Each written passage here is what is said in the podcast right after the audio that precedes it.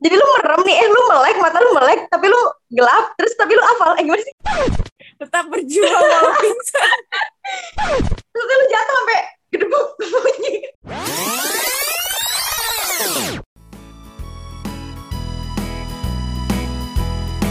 Jek, Jek, hah? Apaan? Kita mau ngapain sih ini? Mau ngoceh kan? Ngoceh? Apaan tuh? Ngobrol receh.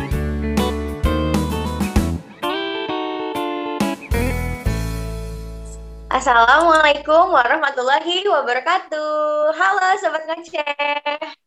Waalaikumsalam warahmatullahi wabarakatuh. Halo Sobat Ngoceh. Welcome back with us. Welcome back to our Yes, yes, podcast. yes. Eksklusif. Eh, belum. Enggak, Belum Biasa eksklusif. Belum boleh. standar. Apa nih? Kenapa? Kenapa nih?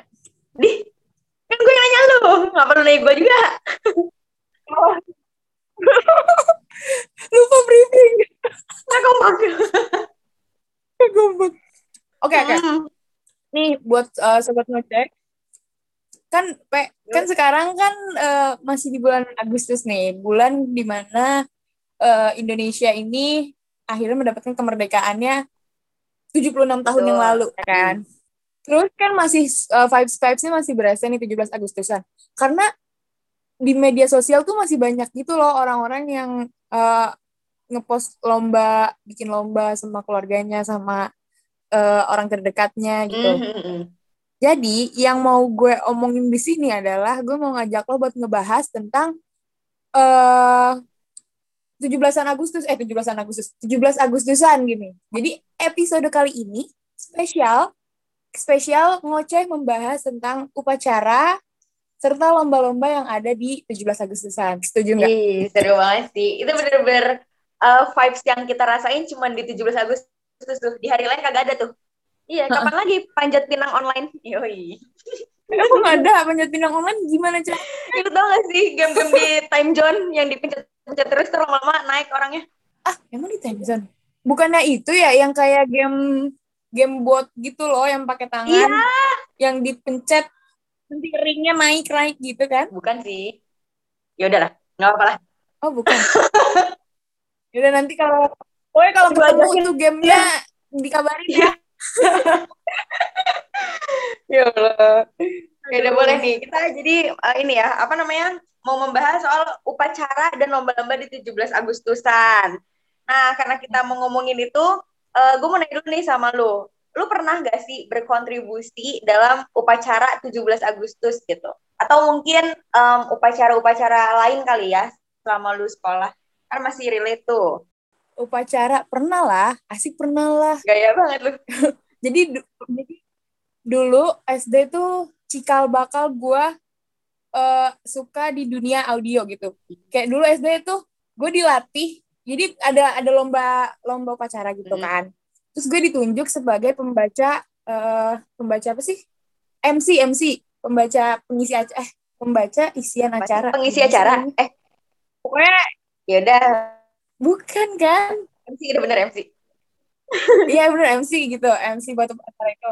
Bener-bener dilatih cara ngomong yang kayak orang di istana istana gitu loh, Pak, yang 17 Agustusan kan ada MC-nya juga kan. Kayak upacara Oh, gitu-gitu ya suara bulan. harus dari sini.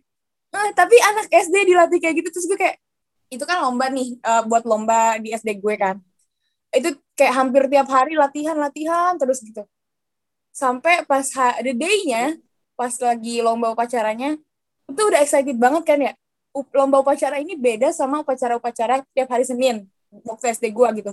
Karena kalau upacara biasa itu cuma pakai topi, pakai baju putih, eh, rok merah, ikat pinggang gitu kan. Nah kalau ini lebih khusus gitu loh, kayak lebih prepare banget nih sekolah SD gua nih.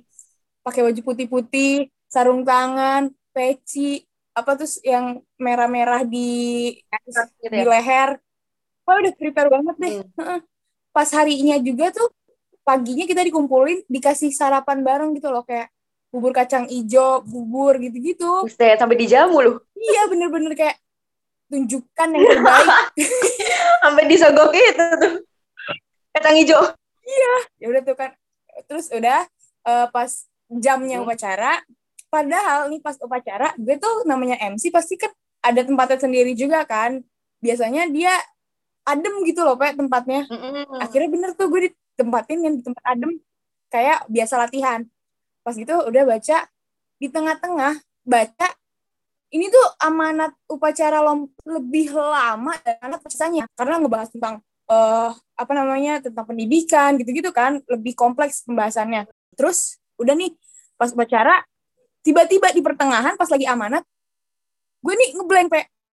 Ngeblank padahal eh, padahal gue di tempat adem kan gitu. Maksudnya tidak terlalu kena matahari gitu. Terus mata gue bener-bener kayak gue melek tapi yang gue lihat tuh hitam semua terus untungnya karena setiap hari latihan itu gue apal nih susunan acaranya Oh, jadi lu merem nih, eh lu melek, mata lu melek, tapi lu gelap, terus tapi lu hafal. Eh gimana sih? Gitu kan bener kan? Lu nggak bacain yang lu inget aja. kayak gitu Heeh, terus amanat upacara kan udah selesai ya udah selesai terus abis itu pembacaan pancasila nggak salah sambil gue manggil pas lagi amanat udah mau selesai itu gue kan kode ke guru gue kan yang ngelatih kayak pak saya mau pingsan gitu pak saya udah nggak kuat terus akhirnya guru gue datang karena PMR jauh banget di belakang kan kayak butuh waktu kan buat ngeganti gue sama cadangan gue sama buat bawa gue ke UKS gitu-gitu kan. Terus akhirnya guru gue di belakang gue eh apa sih kayak gue di, bener-bener disuruh sadar dulu gitu pak karena belum ada yang ngegantiin. Ini gue dicubit kenceng banget tapi kayak karena gue udah belakang kayak gak kerasa gitu. Karena biar sadar aja kali ya. Hmm. habis itu gue baca nih pak kan amanat udah selesai terus gue baca pembacaan pancasila itu gue keadaan udah udah mau pingsan habis baca kayak gitu plok Gila. Hingga tetes terakhir. tetap berjuang walau pingsan Kuat banget lu gimmick. Pura-pura emang paling jago ya. Kalau ini kalau cewek tuh emang gitu. Paling jago pura-pura. astaga Berarti lu waktu SD tuh udah pernah megang role yang penting lah buat eh, upacara gitu kan. Lu harusnya bersyukur tuh Ji, soalnya nggak semua orang bisa, ya nggak sih? Karena, karena iya gue juga dulu Kenapa? waktu SD tuh eh, sama kan kayak lo, jadi setiap minggu tuh upacara ganti-ganti dari kelas ke kelas. Gue lupa sih, tapi kayak dari kelas 5 sama kelas 6 tuh ganti-gantian deh. Nah, pas kelas 5, gue tuh ada yang namanya lomba baris berbaris gitu kan. Nah, terus di lomba itu tuh, eh di lomba baris berbaris, apa? Kayak pelajaran, pelajaran baris berbaris gitu. Jadi kita emang setiap hari Rabu gitu kalau nggak salah, kita tuh latihan baris berbaris. Pokoknya setiap ini deh pelajaran olahraga diganti sama baris berbaris kan. Nah, ya udah tuh kelas Hmm. gua eh sekelas diajarin baris berbaris kan, kayak cuman apa ya? Diri tegak yang benar, terus jalan doang kayak jalan yang lurus gitu loh, biasalah. Terus eh, hadap kanan hadap eh, hadap kanan hadap kiri ada nggak ya? Hadap kiri ada nggak nih? ada ada Yang ada dong muter kiri ya? Oh berarti ini yang muter-muter, terkiri dong lencang-lencang Ya Allah, kayak gitu. Lu tau gak sih kayak bocah di pramuka juga lu diajarin udah lama. Terus ya udah tuh apa namanya biasa kan, sebenarnya masih gampang-gampang aja gitu orang cuman baris-baris doang. Nah terus pas gue gue tuh ngerasain kayak gue bagus-bagus aja kan selama eh, latihan gitu. Terus tiba-tiba pas gue lagi jalan tuh yang kanan kiri kanan kiri gitu, tiba-tiba gue ditarik sama guru gue. Terus dia bilang, eh kamu duduk aja ya, gitu. Jadi tidak bagus jalannya, gue disuruh duduk. Terus lu tau sih, gue tuh duduk gak cuma di hari itu doang. Di minggu-minggu selanjutnya gue juga gue duduk terus. Jadi gue diduduk selamatan ya. Keren banget. tapi Terus tuh gue eh, nggak duduk sendiri kan, gue ditemenin sama temen gue. Nah temen gue ini duduk bukan karena dia jelek juga, tapi karena dia anemia. Jadi gue disamain sama orang anemia. aduh, eh, kan kalau misalkan anem anemia berarti kan kayak eh, berarti dia emang eh, ada sakitnya gitu kan yang nggak bisa panas panas lama-lama atau kecapean gitu. Nah ini seorang Pebi yang fisiknya tidak kenapa-kenapa hanya karena jelek tidak boleh diikutkan. Ya Allah Pe. Makanya gue ngerasa gue sehat walafiat kan. Gue juga ngerasa, ya lah jalan kanan kiri doang, masih gue kagak bisa. Tapi gue ditarik, dikeluarin dari ini barisan, dia kurang ajar. Ya. Tapi tapi kayak minggu minggu depannya lu bilang nggak atau lu emang langsung duduk atau tetap ngikut dulu terus di- disuruh duduk lagi sama gue itu. nanya, gue nanya dulu, Pak saya ikut gak? Terus kata dia, "Eh, nggak usah, kamu duduk aja. Gitu. Oke, gue selama kelas 5 berarti gue kagak pernah latihan baris-baris kan. Jadi kalau gue jalannya jelek, ya wajar lah ya. Dan itu membuat gue insecure buat baris-baris. Hmm. Jahat banget. Pe. Kan orang nggak bisa nggak bisa harusnya diajarin gitu Ini gue kayak dikucilkan. ini bapaknya tuh ngerasa kayak "Oh, tidak ada harapan untuk kamu berbaris-baris gitu Kesannya kayak udah deh usah deh, udah gak bisa lu mau diapain juga gak bisa. Bener-bener kelas 5 waktu gue SD berarti gue bener-bener gak punya pengalaman jadi petugas lah gitu. Nah kalau lo kan masih ada apa ya? Masih pernah lah ngerasain jadi petugas nih. Lo ngerasain gak sih bedanya antara jadi pes- eh, petugas upacara sama peserta upacara gitu? Soalnya kan biasanya eh, kalau misalnya di depan tuh lebih hikmat atau gimana gitu. kerasa dong bedanya karena kan eh, kalau jadi petugas petugas tuh kan kayak eh, apalagi di SMA kita kan gue beberapa kali juga pernah di SMA apa SMA kita kan kayak di atas gitu kan tiap eh, tiap petugasnya kayak pembaca doa pembawa Pancasila MC dan lain-lain kan di atas tuh ya jadi kayak pas hari Senin tuh kayak semua orang tuh kelihatan sama kita jadi kayak kalau kita eh, berbuat salah sedikit gitu kayak hmm, kayaknya ada yang ngeliatin Bener-bener. gua. meskipun gitu gue nggak tahu ada yang ngeliatin gue atau enggak Karena gitu semua kan mata ke kita kan. Semua orang melihat kita kan mau meskipun dia sambil leye-leye atau gimana kan kalau kalau kalau kita berbuat salah kan pasti Uh. kelihatan banget. Nah, jadi kan kalau jadi tugas itu kayak lebih khusyuk, lebih fokus, eh, takut salah, jadi berdirinya tegak gitu. Lebih hikmat lah bener kata lo tadi. Tapi waktu jadi eh, pas jadi peserta, gue juga nggak jauh beda sama jadi petugas karena gue dulu jujur li gue anaknya ti- tidak Iya. bandel gitu ya menurut saya. Menurut lu kan. Iya, harusnya sih ya. maksudnya eh, terus kan kayak misalkan upacara eh ya udah perhatiin aja gitu.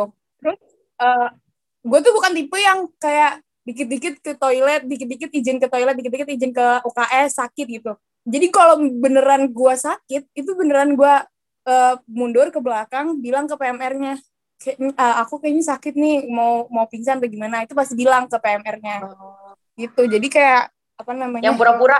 Biasanya tuh suka ada Oh. soalnya yang pura-pura sakit pura-pura ke WC terus supaya nggak upacara gitu. Tapi nih lo tadi bilang lu kalau misalnya sakit langsung bilang ke PMR ya. Tapi gue inget tuh J lo pernah waktu upacara Iya. kayaknya lu nggak sakit tiba-tiba lu udah geletak aja. Gue nggak sakit tiba-tiba geletak.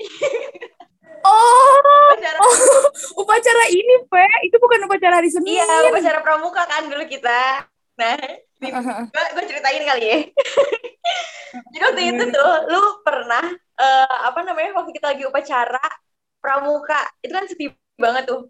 Nah karena Heeh. eh, karena sepi Karena tapi kita masih tetap ada PMR-nya di belakang pasti ada yang jagain tuh kakak kelas ya kan. Jadi kalau misalnya lo sakit lo sebenarnya bisa bilang sama kakak-kakak itu dan waktu itu gue inget banget kita tuh di barisan paling belakang gitu. Sebenarnya kalau lo sakit tuh lo bisa tinggal tengok ke belakang langsung ngeliat kakak-kakaknya ya nggak sih? Tapi gue nggak tahu tuh Hmm. gimana pada saat itu eh, lo kayaknya udah pusing deh. Tapi gue hikmat banget juga sih waktu upacara itu karena orangnya dikit kan jadi hikmat banget. Terus gue inget banget gue posisinya tuh di belakang lo. Terus karena emang gue lagi ngeliatin aduh gue lupa sih itu lagi lagi pengibaran bendera atau lagi ini ya? Lagi apa itu lagi amanah. Oh, lagi amanat. Iya, iya, iya. Jadi gue bener-bener nyimak kan si apa namanya eh yang bawain amanat itu ngomong tuh gue lagi ngeliatin banget gitu. Terus tiba-tiba lagi konsen-konsennya gue ngeliat si amanat nih. Tiba-tiba lu di depan gue persis banget, gue inget banget. Lu tiba-tiba ini apa doyong lu tadi yang mau jatuh ke belakang gitu loh. Gue sebagai temen lo yang suka bercanda, gue kira lu bercanda kan. Jadi lu kayak pura-pura mau gue aja lu. Pura-pura menjatuhkan badan lu ke belakang. Terus pas gue ngelihat lu menjatuhkan diri lu ke belakang gue malah minggir. Bukan nadain badan. Astaga. minggir. Karena lu bercanda kan. Jadi- pas gue minggir Berarti sebenarnya sebenarnya gue jatuh tuh harusnya tetap bisa di seteng- seenggaknya ditangkep gitu lah ya. iya bisa. Ini karena lu ngiranya bercanda jadi lu karena karena posisi gue di belakang lu kan karena gue tahu nih kayak lu bercanda deh. Terus gue geser. Terus lu jatuh sampai gedebuk bener-bener jatuhnya kaku banget. Ya Allah gue kayak itu. Gue merasa bersalah dah. Temen gue tiba-tiba tergeletak dan gue malah minggir. Terus pas gue tahu lu jatuh gue cuma kayak kak kakak tolong kak jatuh. Jangan jatuh.